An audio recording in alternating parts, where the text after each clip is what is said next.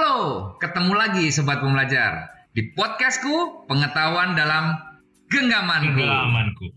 Nah, kali ini kita akan berbincang-bincang dengan tamu spesial kita, masih duo Agung dan Sindu, Sindu dan Agung. Ah, gitu ya. Apa kabar Mas Sindu?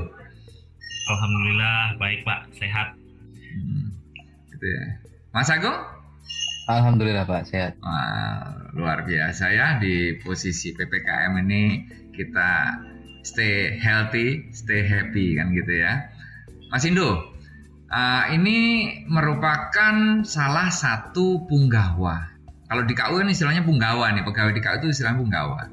Saya anggap Mas Indo punggawa juga lah. Punggawa di CTO, Kemenq yang membidangi data analitik yang lagi happening nih, yang lagi jadi ISRBTK-nya Kemenq. Jadi istilahnya top-topnya apa pegawai ini saat ini adalah yang di CTO, yang di data analitik. Tadinya Mas Indu ini duet sama Mas Agung, ya Mas Agung di DJP, ya, di DJP. Cuman yang satu keciduk dibawa ke CTO, yang satu masih apa stay di DJP. Tapi luar biasa ya pengaruhnya luar biasa. Jadi ilmu-ilmu Mas Agung dan Mas Indu ini sangat kita perlukan. Nah, kali ini kita akan ngobrol tentang pengertian dari user interface dan user experience. Kita ngomongin anak fungsi serta komponen masing-masing yang ada di dalamnya. Nah, saya jadi pengen nanya nih ke Mas Indu atau Mas Agung ya, mana yang akan jawab boleh nanti silahkan ya. Uh, kalau kita bahas tentang pengertian UI dan UX, saya kan saya singkat aja ya, user interface dengan UI dan user experience dengan UX. Nah, fungsi dan serta komponennya masing-masing yang ada di dalamnya, itu kira-kira membahas tentang apa sih, Mas? Atau tujuannya apa sih? Tujuan desainnya apa sih? Oke, baik Pak apa Gus Ekso. Dipanggilnya Gus aja ya. Ya, siap. jadi uh -uh. Uh, jadi kalau misalnya kita bicara tentang UX UI ya. Jadi kalau UX tadi apa? User experience. Itu yes. artinya adalah segala aspek di mana itu saat kita menghasilkan suatu produk itu experience dari user itu kita perhatikan. Nah, dalam hal ini kan kita ada produk digital ya, misalnya ada website, kemudian ada aplikasi kita memperhatikan nih apakah desain yang kita buat itu interaksinya enak tuh buat user? Sehingga user itu nanti mudah menggunakan kemudian suka menggunakannya. Gitu. Sedangkan lalu user interface itu cenderung lebih ke visual desainnya. Bagaimana membuat itu menjadi tampak indah enak dilihat gitu kan. Dan itu saling berkaitan. Kenapa? Karena kalau semisalnya tidak indah juga orang tidak tertarik tapi misalnya indah tapi tidak mudah digunakan gitu ya. Itu juga orang juga akan nggak nggak pengen pakai juga gitu. Jadi UX UI ini sebenarnya satu kesatuan desain di mana itu dia mengkombinasikan antara experience user dan uh, apa interface ya. Jadi seninya di situ itu agar orang benar-benar suka dan memakai aplikasi atau web yang kita buat itu dengan lebih baik lagi. Jadi kira-kira gitu Bu jadi ada istilah aspek seni dari user experience. Jadi intinya indah aja nggak cukup ya. Indah dan uh, user friendly kan gitu ya. Uh, nah kalau kita berbicara indah dan user friendly, tentunya susah dong nah, ngelihat dari tujuannya ini. Nah kalau prosesnya sendiri gimana? Proses desain maksud saya. Oke, jadi proses desainnya, nah ini nih kadang-kadang yang kelewat kalau misalnya orang bikin aplikasi itu kadang-kadang pertama mereka tidak memahami nih sebenarnya aplikasi ini bisnisnya gimana. Jadi mau nggak mau kita harus pahami benar masalah bisnis. Nah setelah bisnisnya ada, kita harus tahu pengguna kita itu siapa. Jadi kita harus ketemu dengan user, kita harus tahu demografisnya. Kemudian sebenarnya mereka itu susahnya makanya apa sih aplikasi sebelumnya gitu kan. Kemudian eh, apa yang dibayangkan user sama dibayangkan pengembang Nah itu kan pasti berbeda ya. Jadi kita harus tahu gimana sih si user ini menggunakan suatu aplikasi. Biasanya kita sebut sebagai user journey. Uh, uh, jadi bagaimana mereka menggunakan. Nah setelah itu kita mengumpulkan data dan kita melakukan analisis. Kemudian kita menggunakan desain ya ada wireframes, kita bikin sketch, mockup dan kawan-kawan jadi kita bisa lihat uh, prototipenya gitu dan kita tes mana yang kira-kira lebih baik meskipun kalau misalnya kita apa uh, kita nggak pakai user kita juga bisa pahami oh mana sih kira-kira yang uh, lebih enak digunakan istilahnya seperti itu hmm. sehingga setelah itu nanti direview dan itu kemudian uh, di deploy ya nah meskipun habis itu kita dapat masukan lagi tuh kita muter lagi iteratif lagi gitu. Hmm. Jadi kira-kira seperti itu prosesnya. Ya, jadi begitu ya sobat pembelajar ya. Proses tuh kayak bikin kue, kayak bikin bakso, sama berarti ya. Kita harus tahu user maunya apa, kemudian ada user experience-nya kayak apa, kemudian ada user journey-nya tadi ya. Ketemu sama pengembang ngobrol-ngobrol-ngobrol, maunya gimana? Yang manis kah? Yang pahit kah? yang coklat kah, yang bagaimana. Begitu sudah met, kita lihat data-datanya, baru kita putuskan seperti apa. Luar biasa, ini prosesnya. Jadi sebenarnya dalam bayangan kita-kita ini, proses ini kan jadi suatu hal yang jadi penting. Nah, pada saat kita sudah ngomong tujuan, kita ngomong proses, ada lagi nih komponen ya kan yang nggak kalah penting komponen desain dan tools yang digunakan langsung nih pertanyaannya dua komponen desain dan toolsnya Monggo, siapa yang mau menjelaskan? Oke, mungkin bisa ditampilkan ini slide tentang what is UX UI di situ.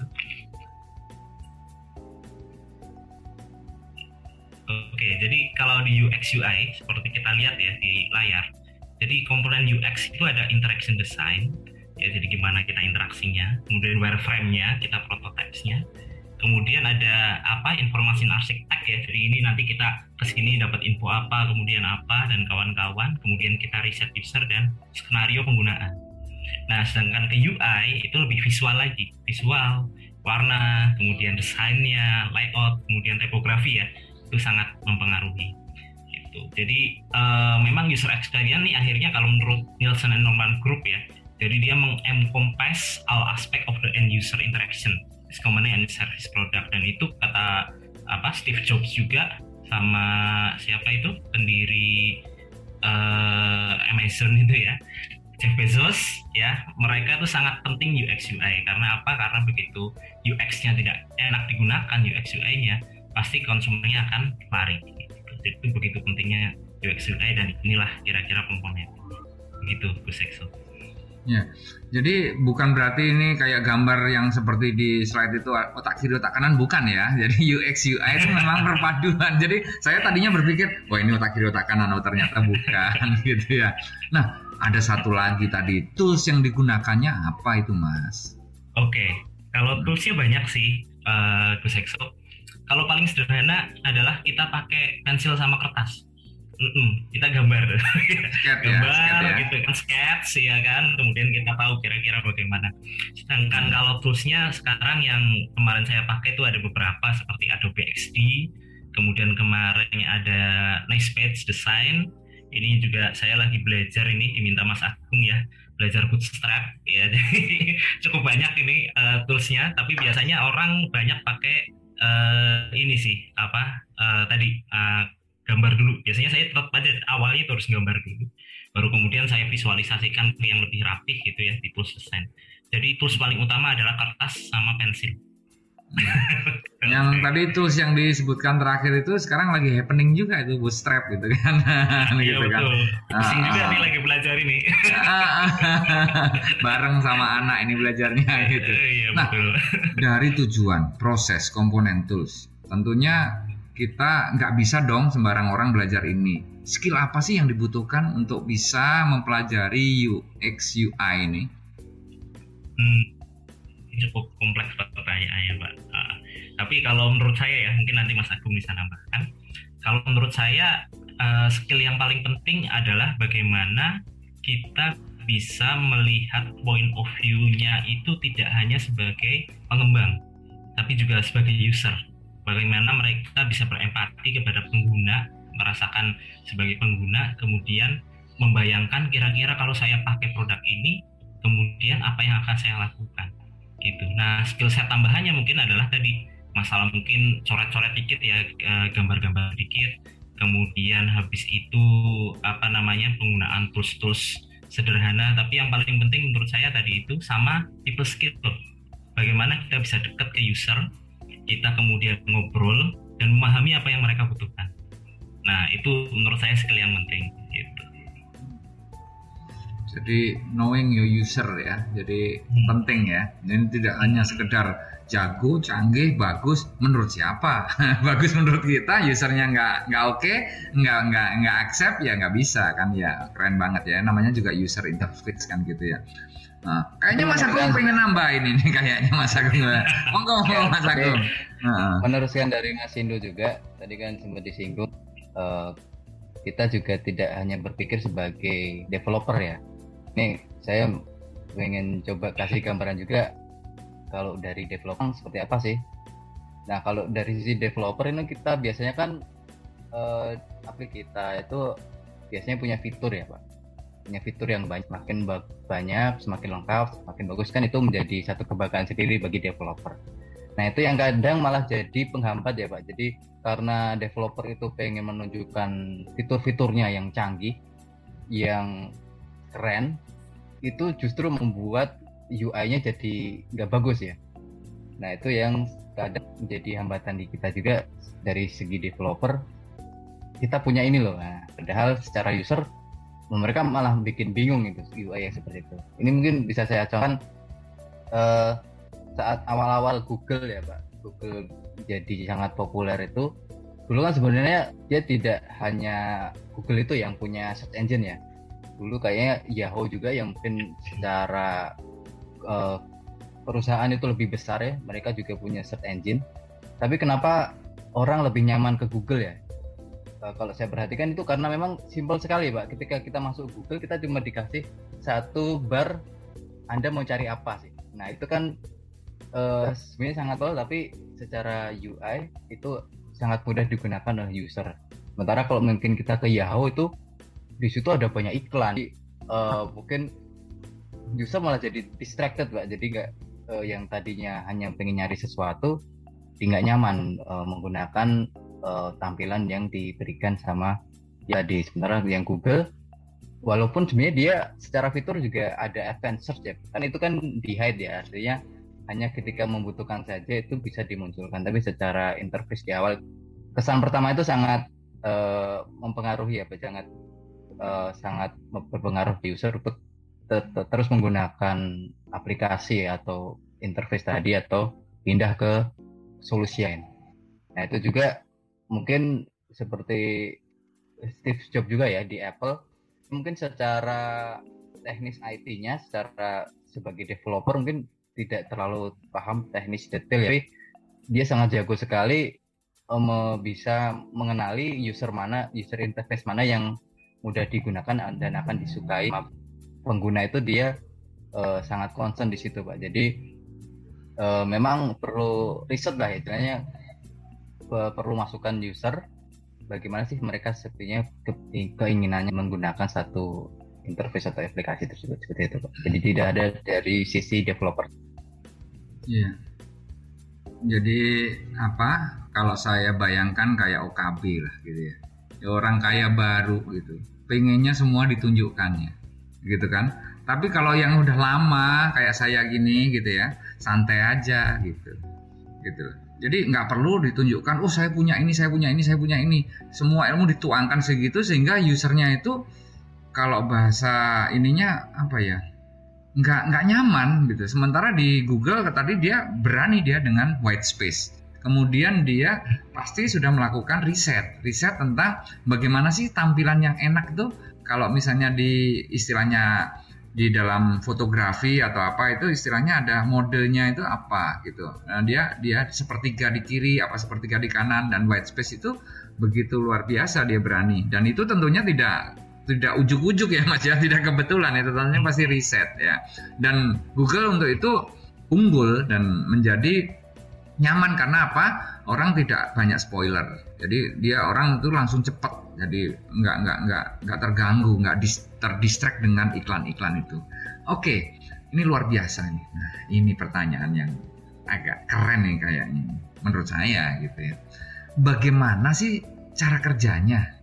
Atau bahasa developernya workflow lah dari UI maupun UX ini dalam pembuatan produknya ya kayak misalnya uh, apa urutannya atau workflownya ya cara kerjanya. Biar sobat pembelajar yang menikmati podcastku ini bisa paham dengan workflow itu. Jadi tentunya perlu jago-jago kita ini yang menjelaskan. Monggo.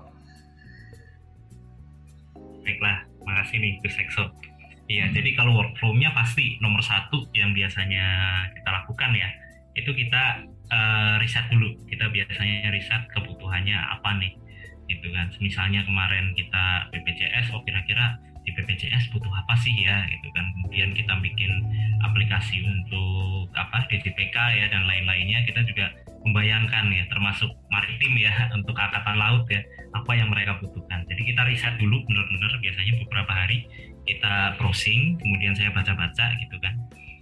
Nah kemudian uh, menentukan nih uh, arsitekturnya gimana? Kira-kira memang misalnya nih contoh uh, eh, BPJS itu butuh uh, data yang lebih tajam mengenai penyakit-penyakit yang uh, nilainya tinggi ya untuk klaimnya ya. Jadi itu saya membayangkan. Berarti yang pertama kita harus sajikan adalah informasi umum. Kemudian kita sajikan informasi yang mengenai penyakit-penyakitnya apa aja. Kemudian detail ke penyakit-penyakit yang preventable tapi biaya tinggi misalnya seperti itu Nah, yang berikutnya dilakukan adalah kita membuat wireframe-nya. Jadi kira-kira mau gimana? Ya saya coret-coret, kemudian saya kirim ke Mas Agung tuh biasanya. Nih kira-kira gini nih gitu kan. Nah, habis itu uh, dibikin ya. Setelah dibikin saya cek lagi tuh. Saya flow-nya saya lihat. Oh, kalau habis ini saya bayangin, oh saya mau cari ini, saya klik sini gitu kan.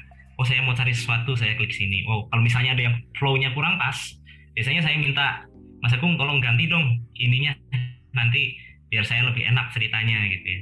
Uh, uh, jadi kalau flow-nya udah dapet gitu tadi uh, biasanya terus kita bikin udah oke okay, prototype desainnya jadi sistemnya udah jadi nah tinggal nanti kita percantik tuh untuk user interface-nya. Apakah dari warna kemudian dari apa namanya uh, apa tadi tipografi dan kawan-kawan ya. Uh, sehingga terus uh, kita deploy. Nah yang terakhir kita tes usability-nya pastinya. Jangan sampai kita udah bikin kelihatannya bagus, begitu kita klik ada yang nggak berfungsi, kemudian ada yang tahu-tahu grafiknya error gitu ya dan kawan-kawan gitu dan memastikan bahwa orang yang pakai itu juga uh, apa namanya bisa benar-benar pakai dan berguna gitu.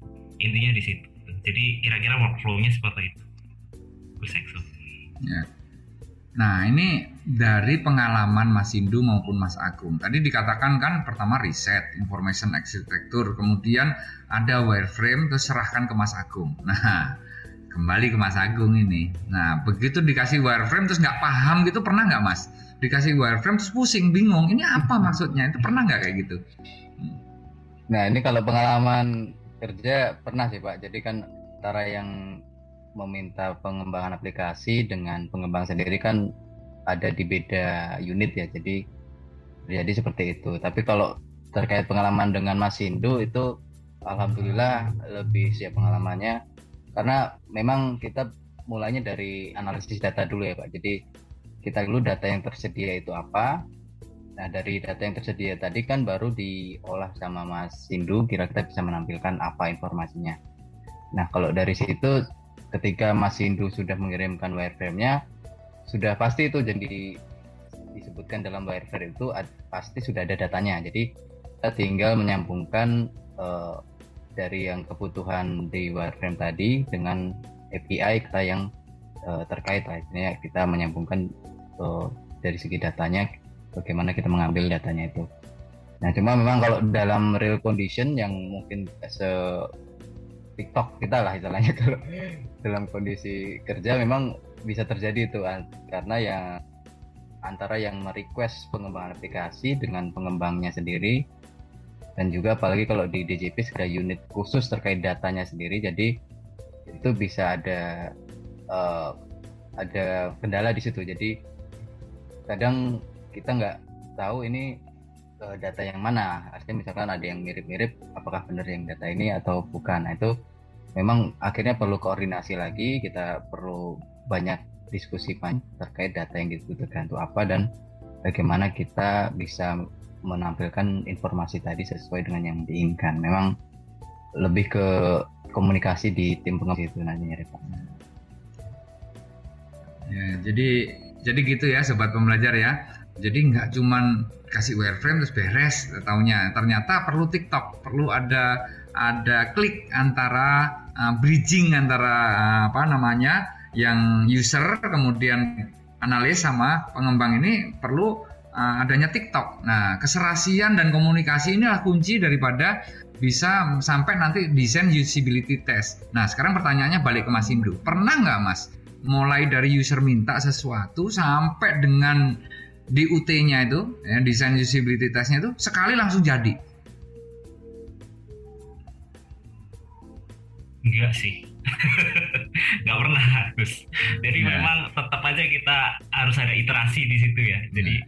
begitu uh, begitu wah ternyata nggak pas, ternyata apa kurang informatif dan apa kita ulangi. Jadi hmm. kayaknya hampir nggak mungkin sih sekali itu. Kalaupun sekali jadi ya terpaksa jadi karena kita butuh waktu cepat ya. Tapi saya rasa ya. masih jauh dari sempurna kalau sekali. Ya. Dan jawaban Mas Indu ini memang seperti yang saya prediksikan. Harusnya begitu. Kalau misalnya langsung jadi, langsung jadi. Nanti teman-teman yang hmm, pemirsa podcast ini ya, sobat pembelajar ini mau nyoba, kok saya nggak jadi-jadi ya? Sana ceritanya kok gampang ya? Nanti stres jadinya gitu. Oh ternyata itu sobat. Jadi sobat pembelajar tenang aja. Sekelas Mas Indu, sekelas Mas Agung pun nggak sekali jadi. Jadi ya ya ada proses bolak-balik bolak-balik sampai bisa menikmati hasil daripada uh, apa namanya aplikasi itu sendiri. Nah, menginjak pertanyaan berikutnya. Apakah? Nah, kalau udah apakah ini udah berat ini kan. apakah UI dan UX ini penting dalam pengembangan website dan aplikasi yang meliputi apa ya? Ya, mungkin produknya atau kepuasannya atau rule bisnisnya. Itu penting nggak sih sebenarnya UI dan UX ini? baiklah jadi ini Gus Ekso uh, kalau saya selalu berpendapat bahwa UX UI itu begitu pentingnya ya uh, di masa sekarang karena sekarang hampir semua bisa mengembangkan aplikasi atau website itu jadi yang membedakan adalah bagaimana kita bisa membuat produk yang nggak hanya canggih kelihatannya keren tapi benar-benar bisa digunakan oleh pengguna. Sehingga saat pengguna itu merasa ini bisa digunakan mereka akan menggunakan terus. Sehingga akhirnya jadi konsumen setia ya atas produk tersebut ya. Mungkin kalau di government aplikasinya sering dipakai gitu kan. Dan uh, itu pula kalau misalnya kita bayangkan ya ada Tokopedia ada Shopee dan kawan-kawan kenapa misalnya kalau saya biasanya sukanya di Tokopedia tuh. Nama saya suka di sana ya karena tampilannya enak flownya jelas saya gampang nih mau lihat uh, saya tadi yang mau belanja di mana sisanya berapa berapa yang harus saya bayar kemudian cara pembayaran dan kawan-kawan semuanya menurut saya oke okay semua gitu. Makanya saya setai misal pun ada misalnya aplikasi baru yang uh, mungkin harganya sedikit lebih murah gitu. Tetapi saya akan pilih yang lebih mudah saya gunakan dan lebih familiar pastinya gitu. Dan mudah terpercaya pastinya keandalan sistemnya. Jadi itu pasti akan meningkatkan secara bisnis secara konsumer ya konsumer loyalty dan kawan-kawan jadi menurut saya super super krusial di era sekarang Nah, jadi gitu ya. Nah, kalau kalau kriterianya seperti apakah yang dianggap user interface atau user experience yang baik ini bisa kasih contoh nggak mas? Kriterianya tuh kayak apa dan contohnya kayak gimana? Gitu. Jadi kalau cuma dijelasin aja tadi kan, oke okay, okay, udah clear nih. Saya kalau nggak dikasih contoh kayaknya nggak mantep nih, nah, gitu. Oke oke oke. Jadi um, mungkin bisa ini minta tolong ditampilkan slide yang examples dari bad design dan good design-nya. Nah, yang sebelumnya coba. Nah, oke. Okay. Nah, ini salah satu contoh ya, Gus Exo ya. Jadi kita lihat di bad design di sini ini kadang-kadang uh, desainernya begitu males, udah kasih form aja. satu dua tiga empat lima ya, name, email, city, state, mau ya padahal begitu apa yang seperti ini nih nggak memudahkan. Kenapa nggak memudahkan? Karena di situ nulis semua. Padahal misalnya contoh kota bisa dipilih ya. Kemudian harganya memang sudah ada uh, jelas berapa di situ yang akan kita bayar. Kita kan misalnya bayangin di Tokopedia kita mau check out ya kan? Kemudian kita masukin angka yang berapa kita bayar gitu kan? Itu udah males banget. Ya kan? Karena kita harus lihat dulu eh berapa ya bayarnya ya? Gitu kan? Kalau di sini langsung kelihatan oh ternyata segini yang harus dibayar. Ya kemudian dari city sama state misalnya di situ itu juga kita bisa pilih sehingga nanti memudahkan juga bagi pengguna itu kemudian untuk uh, nggak nggak usah ribet-ribet ya tinggal klik oh ini kota oh ini daerahnya sini gitu. Itu salah satu contoh. Kemudian next uh, pada ini untuk form ya nah ini form sama platform ya. Jadi kalau kita lihat di situ yang enak itu ya karena mata manusia itu kan biasanya memang agak zigzag gini tapi biasanya lebih enak dari atas ke bawah. Itu. Nah, di sini kita lihat bahwa zigzag ini sebenarnya juga membuat matanya juga lelah dan kadang-kadang lewat. ya kan? Nah, itu salah satu yang nanti dia juga akan apa ya? akan membuat orang akan ini juga akan menjadi menjadi malas menggunakannya. Meskipun kelihatannya lebih ringkas tapi secara user experience yang langsung dari atas ke bawah kita isi gitu ya. Apalagi kalau itu otomatis bisa terisi ya eh, nggak usah kita isi ulang. Misalnya dia bisa isi dari kita yang sebelumnya pernah itu kan. Itu akan jauh lebih memudahkan. Termasuk seperti tadi itu ada pilihan apa drop down. Di sini dibandingkan kita bisa pilihan button ini aja udah sangat-sangat membantu sih dibandingkan drop down untuk berapa kali klik. Karena memang perbedaan satu dua kali klik itu biasanya juga menentukan user akan stay atau tidak. Gitu. Nah yang terakhir mas. Jadi bukan hanya masalah form aja juga. Kita juga bisa ini ya ini masalah pesan juga ke orang juga gitu. Jadi contohnya di sini saat kita menggunakan aplikasi atau ada keluar error. Ya jadi file to ini ini list booking engine ya bad request dan kawan-kawan itu bahasa manusianya itu apa ya? Kayak bahasa robot dan seolah-olah wah ini sistemnya error. Udah ah males ah mau ke sini lagi gitu. sedangkan di sini adalah contoh yang baik untuk masalah user experience-nya. Sehingga ups gitu ya caranya ups kita nggak bisa nyari nih. Ah, mau coba lagi nggak? Hal-hal sesimpel itu aja sebenarnya sangat berpengaruh tuh. Dan itu kadang-kadang tidak dipikirkan oleh programmer karena memang sehari-harinya programmer di depan komputer gitu kan. Uh, padahal message-message kecil seperti itu juga sangat berpengaruh dan ini kalau misalnya kita lihat apa aplikasi yang sering kita lihat ya pastinya uh, marketplace ya. Marketplace Gojek Grab mereka kan invest gede-gedean di UX UI jadi saat kita menggunakan seolah-olah sih kita udah biasa aja oh ternyata tinggal klik ini klik itu gitu kan padahal desain di belakangnya bagaimana mereka membuat orang itu flawless dalam melakukan suatu transaksi ini ini proses iterasinya juga, juga cukup panjang. Salah satunya mungkin kalau ada error nggak pernah ada yang tampilannya error ya. Untuk suatu aplikasi atau website yang bagus biasanya tampilannya ups try again dan kawan-kawan. Itu kira-kira ke sekso ya. jadi apa namanya beautify-nya itu jelas ya. Jadi nggak membuat orang panik gitu. Pada saat bayar tahu-tahu masukkan angkanya sendiri yang satu yang nggak balance yang kedua pengen dihilangin nol malah jadi nggak karu-karuan nanti kan gitu ya. itu iya, betul, itu betul. kemudian kalau tadi menyebutkan beberapa apa namanya uh, marketplace gitu ya. Saya memperhatikan dari Tokopedia, kemudian Gojek, itu desainnya itu sudah berubah lebih dari 100 kali, Mas. Gitu loh. Yang tadinya sangat sederhana, sekarang makin lama makin meningkat, meningkat, meningkat dan dan luar biasa dan mereka punya tim pengembang sendiri yang selalu berpikir bagaimana supaya usernya ini nyaman, bagaimana user ini nggak panik, bagaimana user ini bisa mendapatkan respon yang keren gitu ya. Nah ini semua bisa bisa didapat karena kita mempelajari UI dan UX tadi ya. Jadi itu tadi sobat pembelajar luar biasa ya dari desain menarik penggunaan ikonnya konsistensi desainnya fitur yang useful dan penggunaannya mudah. Oh nggak terasa nih kita sudah ngomongin dari A to Z UI dan UX nah sebelum saya tutup ada nggak closing remarks dari Mas Agung atau Mas Indu? Silahkan. Mungkin saya uh, nambahkan sedikit dulu ya Pak jadi eh, bisa dibilang UI UX juga seni ya atau art ya bagaimana kita memberikan user satu pengalaman yang uh, atau yang diharapkan dengan user.